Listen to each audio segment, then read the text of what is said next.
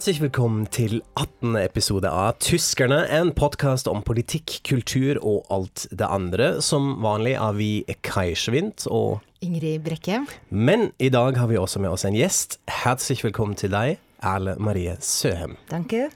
Hallo. Hei.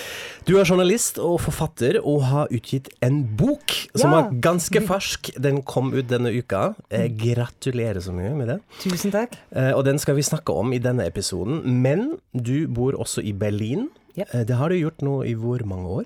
Nå siden 2007, så er Ok. det er elleve år Og nå. i elleve år, så bra. Det er vi også veldig interessert i, så det må vi snakke litt om òg. Mm. Hvordan du opplever dette som nordmann. Eh, men først boka. Ja. Um, både Ingrid og jeg holder jo nettopp på med vårt eh, eget skriveprosjekt. Og vi er ganske enige om at det mest slitsomme med dette er prokrastineringen. ja. Hvordan klarte du det, Erle? Har du noen tips? Uh, jeg, uh, jeg tror jeg har uh, gjennomprokrastinert. Uh, uh, jeg har gjort alt man kan gjøre. Det, er, det er sjelden uh, klesskapene blir så ryddig, så, for jeg jobber jo hjemmefra. Ja. Som uh, når jeg er i vanskelige skrivefaser, for da tar jeg setter på klesvask veldig ofte. Mhm. Det syns jeg fungerer veldig bra. Men det, problemet mitt der er at eh, jeg syns det er utrolig Uh, utrolig tilfredsstillende å uh, vaske klær, sette på maskinen. Mhm. Så er det det verste i verden å henge opp, Ja. og, og, og særlig å ta bort fra klestørkestativet. Ja. Men, men det er min eh, er nummer go to én. prokrastinering. Ja. Ja. Så har jeg jo katt, så jeg snakker Ah. mye med katten. Ok, dere får mye oppmerksomhet under skriveperioden. Veldig. Kan få sånn derre klappesår. Eh, det er det verste. En slitt katt på slutten Ja. av en bok. Ja, Ja. da, da, nå er den veldig sliten. Hår, hårløs og litt sånn stusslig. Ja. Ok, ja. Ja, til boka, da. Eh, dette eh, boka heter 'Til Berlin faller nordmenn i Det tredje riket'. Du har den liggende her eh, foran deg. Vi skal Ja. få lagt ut et bilde på vår Facebook-side, så alle kan få sett den. Ok.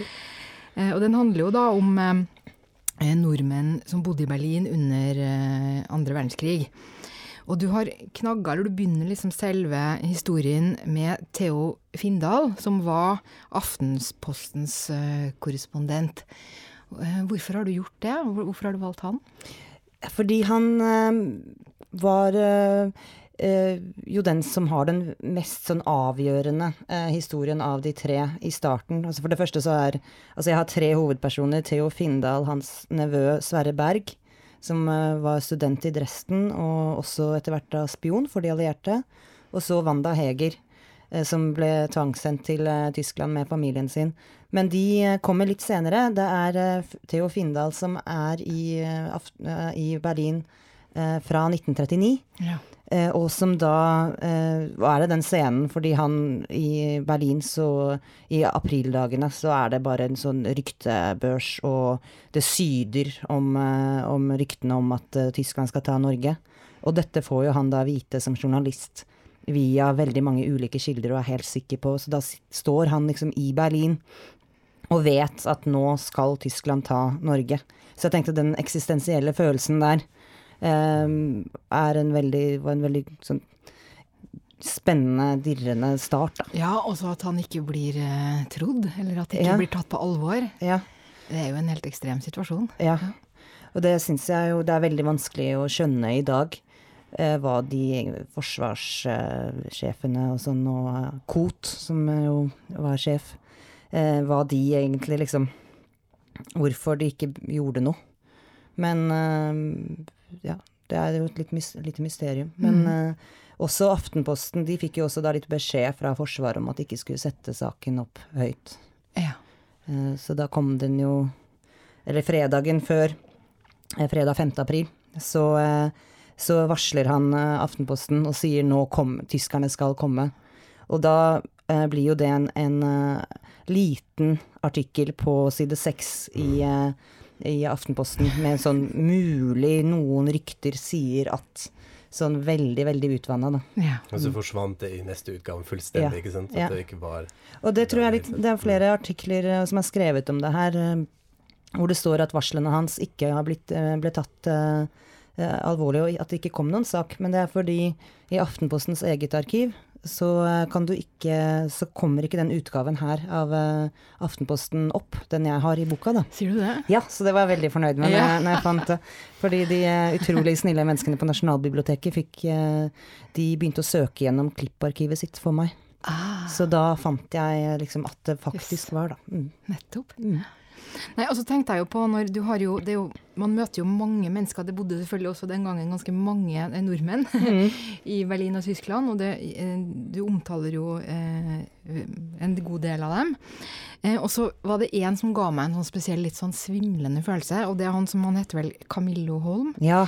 som var gift med fru Aksel Springer nummer to. Ja. Og den siste fru Aksel Springer hun lever jo enda og er en venn av Angela Merkel. Ja. Så da fikk jeg sånn følelse av at det er jo ikke så lenge siden, eller Nei. det er jo en sånn nærhet. Eh, på, på en måte som jeg ofte ikke tenker på, krigen er jo så langt borte og sånn, men hvordan, når du jobba med boka, følte du at du liksom kom nærme disse folka på en eller annen måte, eller at det ikke var så lenge siden tross alt, eller hvordan, Ja. hvordan var det? Eh, på, med det eh, med personene så er det litt sånn merkelig følelse, fordi jeg føler på en måte at Theo Findal er vennen min. Kanskje særlig han, for han har jeg lest dagbøkene til. Ja. Eh, og, så jeg har på en måte veldig personlig forhold til han. Eh, som ikke han har til meg. Eh, og det er veldig rart det der å sitte og skrive Eller heldigvis med bakgrunn som journalist, så er du vant til å ha den respekten for at det er levende mennesker, da. ja. Men, men det er også veldig rart å sitte og skrive en bok om folk som, eh, som har eksistert, da. Det er jo derfor jeg også syns det var veldig viktig å på en måte ikke legge til noe spekulativt. Ehm, så det Ja, hva vil jeg egentlig hva, hva, Jo, nei, men om du, om du følte at du fikk noen sånn slags nærhetsfølelse til Ja. folk, men det Og så er det, altså, det er veldig morsomt at du eh, nevner Camillo Holm, fordi han har vært et sånt stort mysterium for meg. Da han, jeg har funnet masse gamle aviser og sånn, hvor han, eh, tyske aviser hvor han nevnes som der millionær. Altså han var en ja. kjent, prominent fyr. Eh, og, eh, og var også da attachéen, eller sånn hjalp uh, attachéen til eh, tyske vinter-OL. Og hjalp til for at Norge skulle få uh, vinter-OL, som vi drev og søkte om da. Eh, og, og var en sånn viktig person. Og så har han forsvunnet helt ut uh, av historien. da. Jeg finner ikke dødsdato på han eller noen ting. Å nei. Nei, men jeg spurte han Jeg fant på 60-tallet Ja, det står uh, helt bakerst, så har jeg gjort en sånn uh, Hva skjedde med dem etter krigen? Eh, og det er da at han, eh, jeg tror det var 1967, så gifter han seg i Berlin med en som står, en berlinermodellen Karin Våringer, som da er 27 år, og han er 70 og noe. og så er det Kurt Jørgens, han, Jørgens, Ja. han, skuespilleren, Skuespilleren. Mm. som er eh, forloveren hans. Oi. Wow. okay, Og så står det bare at de bor i Monaco, og hvilket bygg. Og så har jeg drevet og s- eh, eh, mailet på fransk, da tok det sånn litt sånn fransktrening, til Monaco. Og, og mailet Eller ja, jeg mailet jo eh, politiet og kirken og ulike ting for å prøve å finne noe info. Men han er helt borte, og jeg har snakket med mange i familien her i Norge. Men der er det noe uvennskap i familien, sånn, så han er borte. Ja, det, Jeg det, håper nå at noen kommer og sier hei, vi vet hva som skjedde. Men det er veldig interessant måten du beskriver dette, fordi for meg er det så mange fotnoter der inne som sier noe om den tyske offentligheten på den tiden. Så hvem Ja, var kjendiser? Hva, hvordan så det ut? Hvordan føltes det? Hvem dukker opp i, i pressen og i mediene? Og selvfølgelig det vi er veldig opptatt her, er dette forholdet mellom Tyskland og Norge. Altså, dette er jo en sånn utrolig interessant case-studie om, Mhm. om dette. Kan du si litt om denne litt sånn mystiske roklubben eh, som var, ja, som samlet det norske miljøet i, i Berlin, vel? Ja. Det var jo eh, Altså, Den norske roklubb, eh, det starta de eh, da etter at Norge ble fritt i 1905. Da ville de ha en egen forening. Og så er det også en sånn ting som har gått litt ut av historien, fordi det, det står da det i starten Ja, da var jo roing det naturlige. Altså det var, ble ansett som en sånn norsk sport. Jeg bare hæ? Det visste jeg ikke. Ja. eh, og så eh, så grunnlegger de jo den, og så er det en veldig sånn studentklubb. Men det som skjer under eh, andre verdenskrig, er at de fleste, veldig mange av studentene, eh, drar jo tilbake til Norge, avbryter studiene sine, eller gjør de lynraskt ferdig, og prøver å eh, kjempe i Norge istedenfor. Eh, og da er det et mye, blir det et mye større samlingssted uh, for bare de gjenværende, da. Mm. Det, jeg også, det er jo ganske langt. Det er nesten helt på grensen til Brandenburg, til Erkner der. Mm. Det tar jo en og en halv time fra Vest-Berlin å komme seg ut. så Eller det var kanskje litt overdrevet. Men da kommer de også veldig langt fra etter hvert bombingen av Berlin og sånn, da. Så mhm. du får, de får den derre Der kan de slappe av litt i hagen, der kan de puste ut og, eh, og møtes. Så ja, det var helt veldig fantastisk å få det stedet. For det kunne på en måte også da få leseren til å, å, føle at de vet OK, nå er vi der, ja. Da vet de litt. Eh, en stemning av hvordan, mm. eh, hvordan det var. Mm. Og eh, det tror jeg nå driver eh, de og, og bygger opp roklubben ganske bra igjen, og det begynner å bli mer studenter som bruker den og sånn.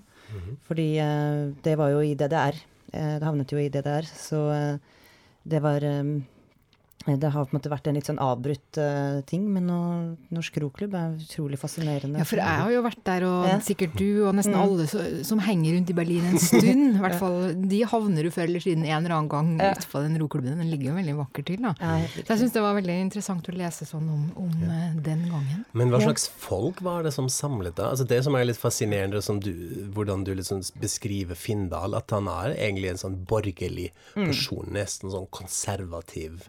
Uh, men hva slags altså, Var det sånn melting pot av helt ulike folk Nei. med ulike bakgrunn, eller hvordan funker den? Det er, det er, jo et veldig borgerlig norsk miljø. Okay. Ja. Mm -hmm. Helt klart. Um, det, det, er jo en slags overklasse, og, eller det, ja, borgerskapet, som har råd til det, og som sender uh, sine sønner på ingeniørutdannelser i, i Berlin og Dresden mm. og mhm. disse byene. Så um, det er absolutt uh, et spesielt sjikt, og et sjikt som jo på en måte vi ikke helt har lenger nå okay. i Norge. Altså sånn Nå kan alle reise til utlandet og studere. Bare menn, var det ikke det? Eller? Jo. Ja. Mm. Mm. ja, roklubben var jo også bare, bare kun for menn. Ja. Så det er en litt sånn outsourcet kulturelite, kanskje? Eller? ja, ja, det, ja, mm. mm. ja. Så um, ja, som skulle da ha et sånt dannelsesår i, ja. på kontinentet, eller okay. mm. Og det var jo også generelt mye mer vanlig også før altså 1800- og 1900-tallet, og alle som var i Leipzig eller ja. sånt. Man har dannelsesopphold i Tyskland, og så kommer man tilbake igjen. Ja, den mm. eh, krig Ved andre verdenskrig slutt, eh, så stopper jo hele dette, mm. som jo var en så utrolig viktig kulturutveksling mellom Norge og Tyskland. Ja. Så um, det er Eh, det er jo veldig synd, det, men det er jo det som har blitt tatt opp igjen nå på 2000-tallet eller fra 90-tallet. Men eh, det er litt Jeg tror ikke folk helt skjønner hvor viktig og hvor sentralt det var uh, før andre verdenskrig, da. Mm, ja. Det var jo Tyskland man dro til, ikke England. Ja, absolutt. En annen ting som jeg syns er veldig fascinerende, at det er jo nesten et litt sånn mediehistorie òg. Altså Findal er korrespondent til Aftenposten i Berlin, mm. uh, og begynner å kartlegge denne utviklingen om å rapportere hjem osv. Så, videre. så tenkte jeg litt på deg, Ingrid, faktisk, fordi du, du var jo også korrespondent uh, for Aftenposten i Berlin. Ja. Og hva slags merkelig yrke det egentlig er. ja. uh, man er jo veldig privilegert på en måte, men på en annen måte har man jo kanskje også utrolig mye ansvar. Altså man er en sånn man, ja, his, man kartlegger, man, man historieskriver bevisst. Uh, er det, Føler man det, eller er man så opptatt av den hverdagslige av å levere 5000 altså, ord? Jeg syns jo det var uh, veldig sterkt å se at uh, han var medlem av den samme klubben ja. som jeg også var medlem av, altså korrespondentklubben. FAP. Mm. VAP. Verein Ausländische Korrespondenten, heter den vel. Eh, men ellers så må jeg jo si at veldig mange likheter er det kanskje ikke. Utover det at man føler selvfølgelig dette ansvaret da, for, å, for å formidle hva som foregår inni et land, til folk som ikke har den eh, kjennskapen, og da også her ikke kan språket, ikke sant, og det begrenser seg sånn, da. Men han opplevde jo f.eks. veldig mye sensur og vanskeligheter, og, og, der eh, var jo ikke min tid, da, det meg å bare si. Men, men en ting som jeg, som jeg, tenkte på også som, som er en slags utfordring, det er jo det at i dette ønsket da, man har om å formidle hva som skjer inni et land, så, så lærte jo jeg også som korrespondent at det egentlig på en måte ikke det eh, leserne, eller i hvert fall ikke eh, redaksjonen, er så interessert i. Fordi at du skal, du skal på en måte eh, fortelle det om Tyskland som nordmenn er interessert i å lese. Mm. Og det er ikke nødvendigvis det som skjer. Det er ofte relatert til norsk dagsorden og sånne mm. type ting. da. Mm. Så det har jeg liksom tenkt mye på at, at at der ligger det et slags ansvar, da. At man kanskje ofte må mase for å, mer enn man skulle tro, for å få skrive om de tingene man faktisk syns er viktig, og at det hører med til jobben. Eh, og så igjen, eh, hans tid som korrespondent var, var utrolig annerledes og mye mer dramatisk. Og ja. kjempe ja, hvordan, han, klarte, han kunne jo ikke gjøre jobben sin, er jo egentlig Nei. Du har jo også et sitat uh, 'Hvordan rapportere sannferdig fra et diktatur'. Mm. Et spørsmål som han stilte seg selv, regner jeg med. Mm. Uh, hva tror du? Altså, var, det, var, var, han mest opptatt av det? Kunne han litt sånn se hva som skulle skje underveis? Eller altså, bare prøve å komme i hodet hans litt sånn? Mm. Jeg tror jo, altså det jeg nevnte litt i stad også, med, med, alle ryktene som svirret. Mm -hmm. uh, ja og det var jo så mye Og gjerne litt Noen av de viste seg å stemme helt, og andre viste seg å ikke stemme. Og noen ganger så kunne jo De var jo så vant til at uh, den tyske propagandaen overdrev så innmari. Uh, og på propagandadepartementet at de overdrev. Uh, så noen ganger så sa faktisk nazistene sannheten. Og så trodde de ikke på det. F.eks. Med grusomhetene på, um, på østfronten osv. Eh, altså da Det var russerne hadde gjort, da. Eh, ja. eh, og, og, så bare ja ja, men det er overdrevet. Og så viste det seg at det var sant. Altså, så det er en del mhm. sånne ting også. Ja. Så jeg tror det er på en måte bare et sånt farvann som er helt umulig Eller kanskje de fant en del eh, løsninger og, og måte, måter å lese det på, da. Men et utrolig vanskelig farvann å, å orientere seg i. Og jeg tenker som journalist selv òg at det hadde vært helt forferdelig, og så tror du på et rykte, da, eller tror på den informasjonen du får fra offentlige institusjoner. Mm. Eh, og så Å ja, nei, det er helt feil. Ok, da har jeg skrevet noe helt usant ja. og spredte det til det norske folk. Mm. Eh, altså sånne ting også, som jo er eh, veldig stort ansvar. Ja. Og en helt ny sånn spinn på hele den fake news-debatten, ja. ikke sant? Og det syns jeg, ja, det synes mm. jeg også er veldig, veldig um, interessant med denne historien og med det som skjer i propagandaministeriet og sånn, at uh, fake news er jo ikke noe nytt i det mm. hele tatt. Og det, det, merker man veldig godt når man leser om uh, propagandaen på, i, under andre verdenskrig. Da. Mm. Det, mm, det, er en del paralleller til dagens virkelighet, dessverre. Ja. Eh, det som jeg syns er veldig spennende å se f.eks. hvordan boken blir tatt imot her i Norge nå. Hvordan mm. snakker man om den, hvordan blir den omtalt? Og jeg lurte på, hva, hva tror du, hvordan passer den inn eh, altså den historien til Theo Findal og de andre i den offisielle fortellingen man har i Norge om andre verdenskrig og Tyskland. Tror du at det kan røre noen tabuer her? Kan det bli litt kontrovers? Litt sånn? Folk som var der nede og visste så mye, osv.? Ja, det jeg tror, um, som vel kanskje er det boka viser uh, aller best, er at uh, etter krigen så sa alle at det var så innmari enten-eller.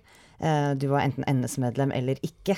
Og den, det som viser seg i boka også, er at her er det jo utrolig flytende overganger. Og Camillo Holm, eksempel, som da etter nyordningen i september 1940 ber, eh, sender brev til NS og ber om å få melde seg inn. Og det er jo da liksom en av de nærmeste vennene til Theo Findal. Og, og, sånn er det der hele tiden i det norske miljøet, da. Og så etterpå er det sånn Wanda Heger skriver i sin bok også veldig mye. Eh, han var antinazist, selvfølgelig. Og, og, du, du, og, så bare Nei, han var, han var medlem i NS. Mm. Eh, som hun ikke har visst, da. Altså, hun er nok helt altså, uskyldig i det. Men eh, det, er, det var ikke disse store sperrene. Og, eh, og det syns jeg var veldig fascinerende å se. Mm. Hvordan tror du man Tror du man skjønner det her nå? Altså, jeg husker en diskusjon rundt Max Manus-filmen og sånn. Mm. Hvor det var litt sånn Ja, var dette litt sånn så svart-hvitt? Mm. Hm, kanskje ikke. Nei, det var jo ikke det. Ja. Det var mye mer stripete. Ja.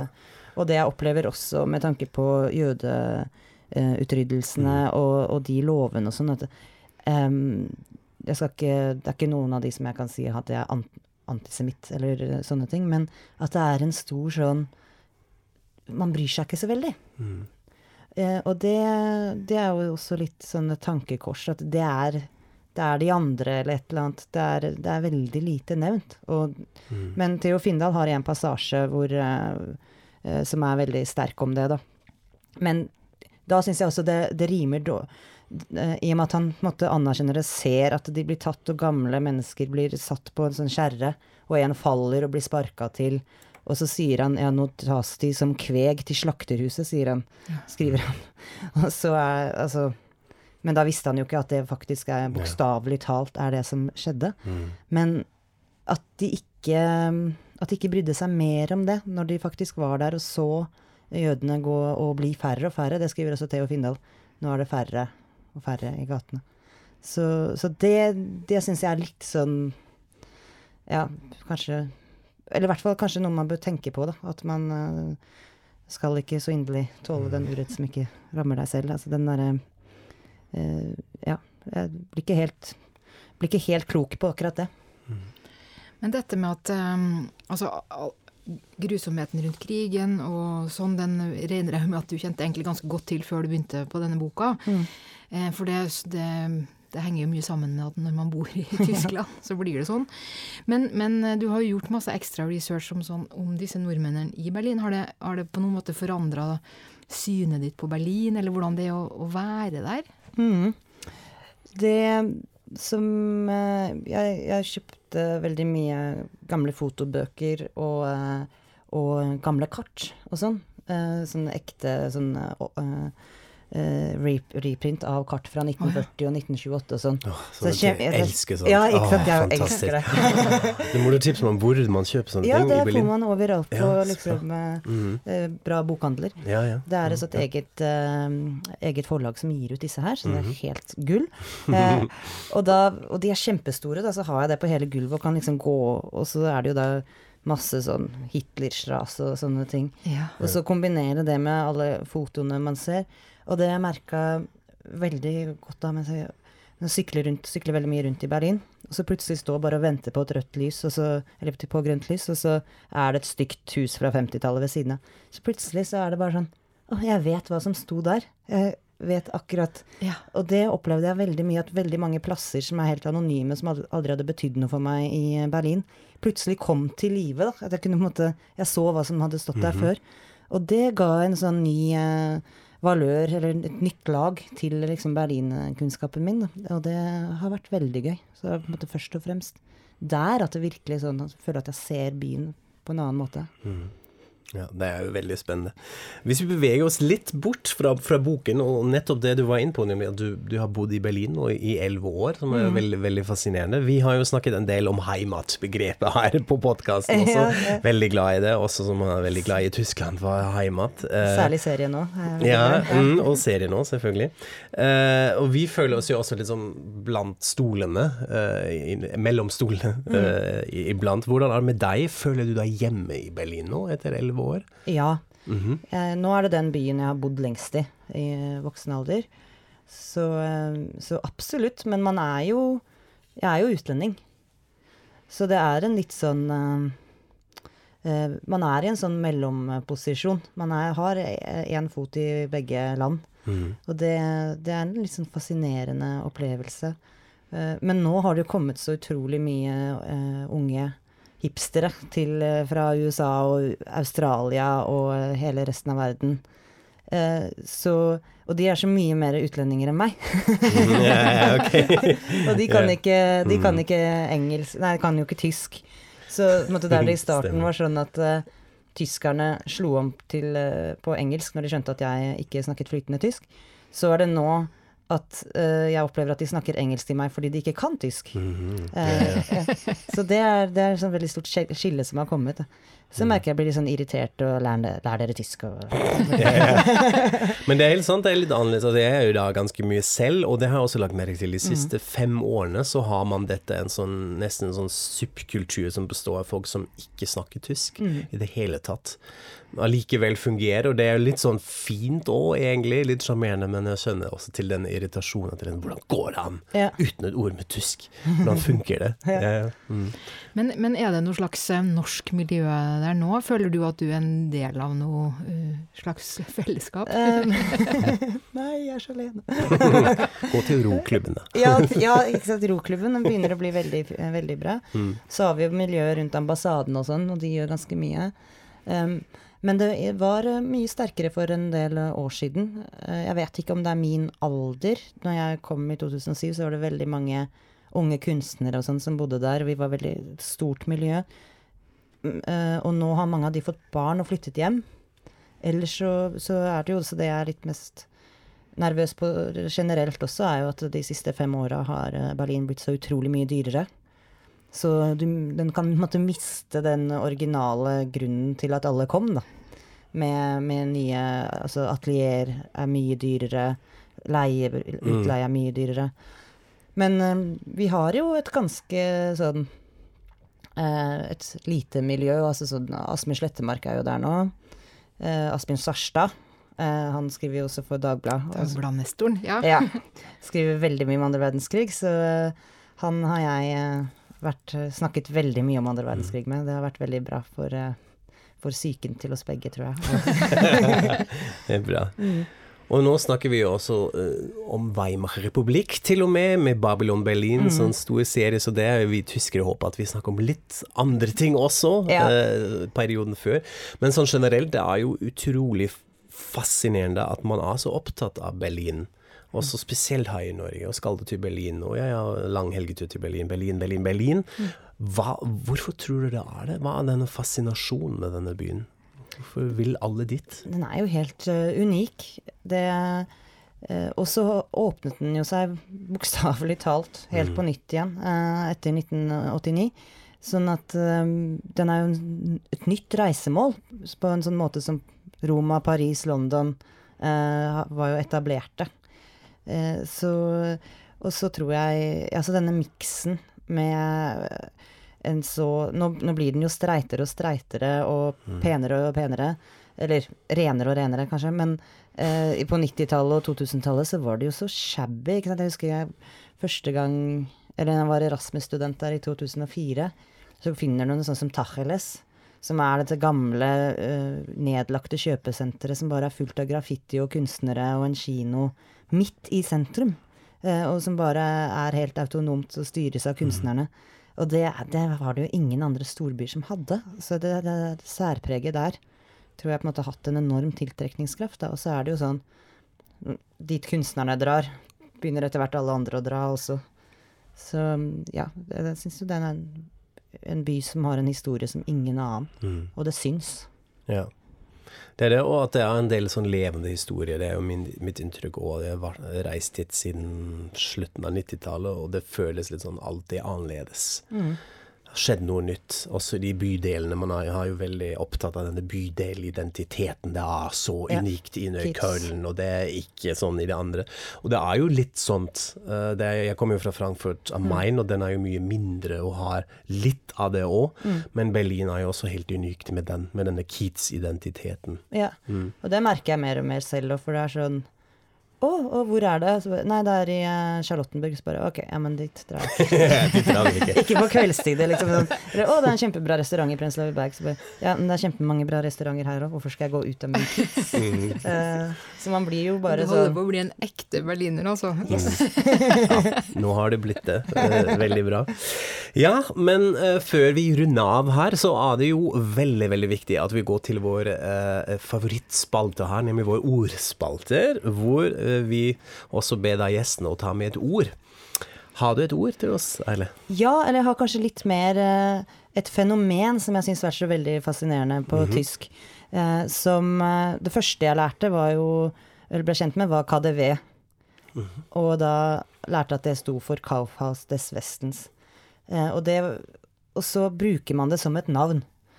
Og så etter hvert så ser man at det er så utrolig mange Altså tyskerne har denne For oss nordmenn og jeg kan ikke tenke, komme på så mange andre språk som det, gjør dette så mye, med liksom LKV, PKV for lastebil og personbil. Eh, og, og også gjør den kottbussertår Tor Cotti Eh, eh, så det er den der De derre kjæleordene og forkortelsene Ja. som jeg syns er eh, veldig fascinerende, og, og spesielt på tysk. Mm, det er helt enig. Jeg har prøvd dette litt på norsk, Mm. Og det funker ikke her. Folk uh, tror man har Ja. mista det. Ja. uh, jeg er helt enig. Det er en tysker, men eh, hvorfor er det det? Altså, fordi kanskje vi har så store og litt sånn komplekse, sammensatte ord Mm. at vi føler vi må forkorte dette hele tida. Ja, det er det jeg har tenkt på, på litt. Men uh, Mm. eh, Og det, jeg syns også det er veldig søtt at tyskerne måtte slenge på sånn De lager sånne søte ord eh, eh, av Mhm. Altså så, som man på norsk ville sagt Man sier ikke liksom eh, storkiosk, storski eller sånn, men på, på norsk er det liksom Storski. Ja, så heter det liksom speti, da. Ja. Altså, så, Mm. ja, det er bare sånn koseord. Seint i. Ja. Ja. ja, det er et sånt behov for å liksom kose til med disse egentlig litt sånn kanskje kalde, klumpete ordene. Mm. Ja, og jeg har tenkt litt på at det, det kanskje har noe med sånn det at man, man er ofte så formelle, ikke sant. En del Mm. av hele språket og kulturen er veldig formell. Og da har man bruk for å liksom ta det litt til den motsatte Mm. eh, ytterlighet, da. Og, og at det handler noe om det, kanskje. Ja, og sånn som kodam, altså, da skrives det jo på en måte også som oftest sånn når man ingen sier korfyrstendam. Mm -hmm. eh, men eh, ja, nei, det, men det gjør det litt mer personlig, da. Men det er vel også sånn tysk har jo veldig mange nivåer. Eh, og du har liksom det høflige og, har, og korrekte, og så har du da den derre mer kosetysken. Mhm. Da kan vi jo nevne f.eks. at vi poster en låt av De fantastiske fire relatert til våre hiphop-episoder, som heter MFG. Med freundlichen Grüßen, forkortelse. Eh, En låt som bare består av disse forkortelsene. Mm. Ikke noe annen tekst, bare dette. Og da har man en hel mangfold av de. Kan man se om man tolker alt. Man kan alle. Jeg skal faktisk, det- Oi, unnskyld. jeg, men, eh, jeg skal faktisk på Jesus-konsert på søndag. Hiphop i. Berlin. Ja, med Asbjørn Slettemark, så han skal leie meg trygt igjennom. Ja. Så bra. Og den eh, fantastiske fyrlåten den ligger da på vår Facebook-side. Og for eh, nye lyttere, vi har altså en Facebook-side som heter Tyskerne, selvfølgelig. Eh, gå inn der, lik. Eh, vi legger også ut litt andre ting enn bare våre episoder. Ellers håper vi at dere deler eh, episoden vår og gir eh, tilbakemeldinger. Det blir vi alltid glad for. Mm. Ja. Skal vi si ha det, da? Gratulerer en gang til, Erlend, med boka. Tusen takk for at jeg fikk komme. Ja, gratulerer. Absolutt. Vi skal lese det og anbefale den. Eh, den er helt fantastisk.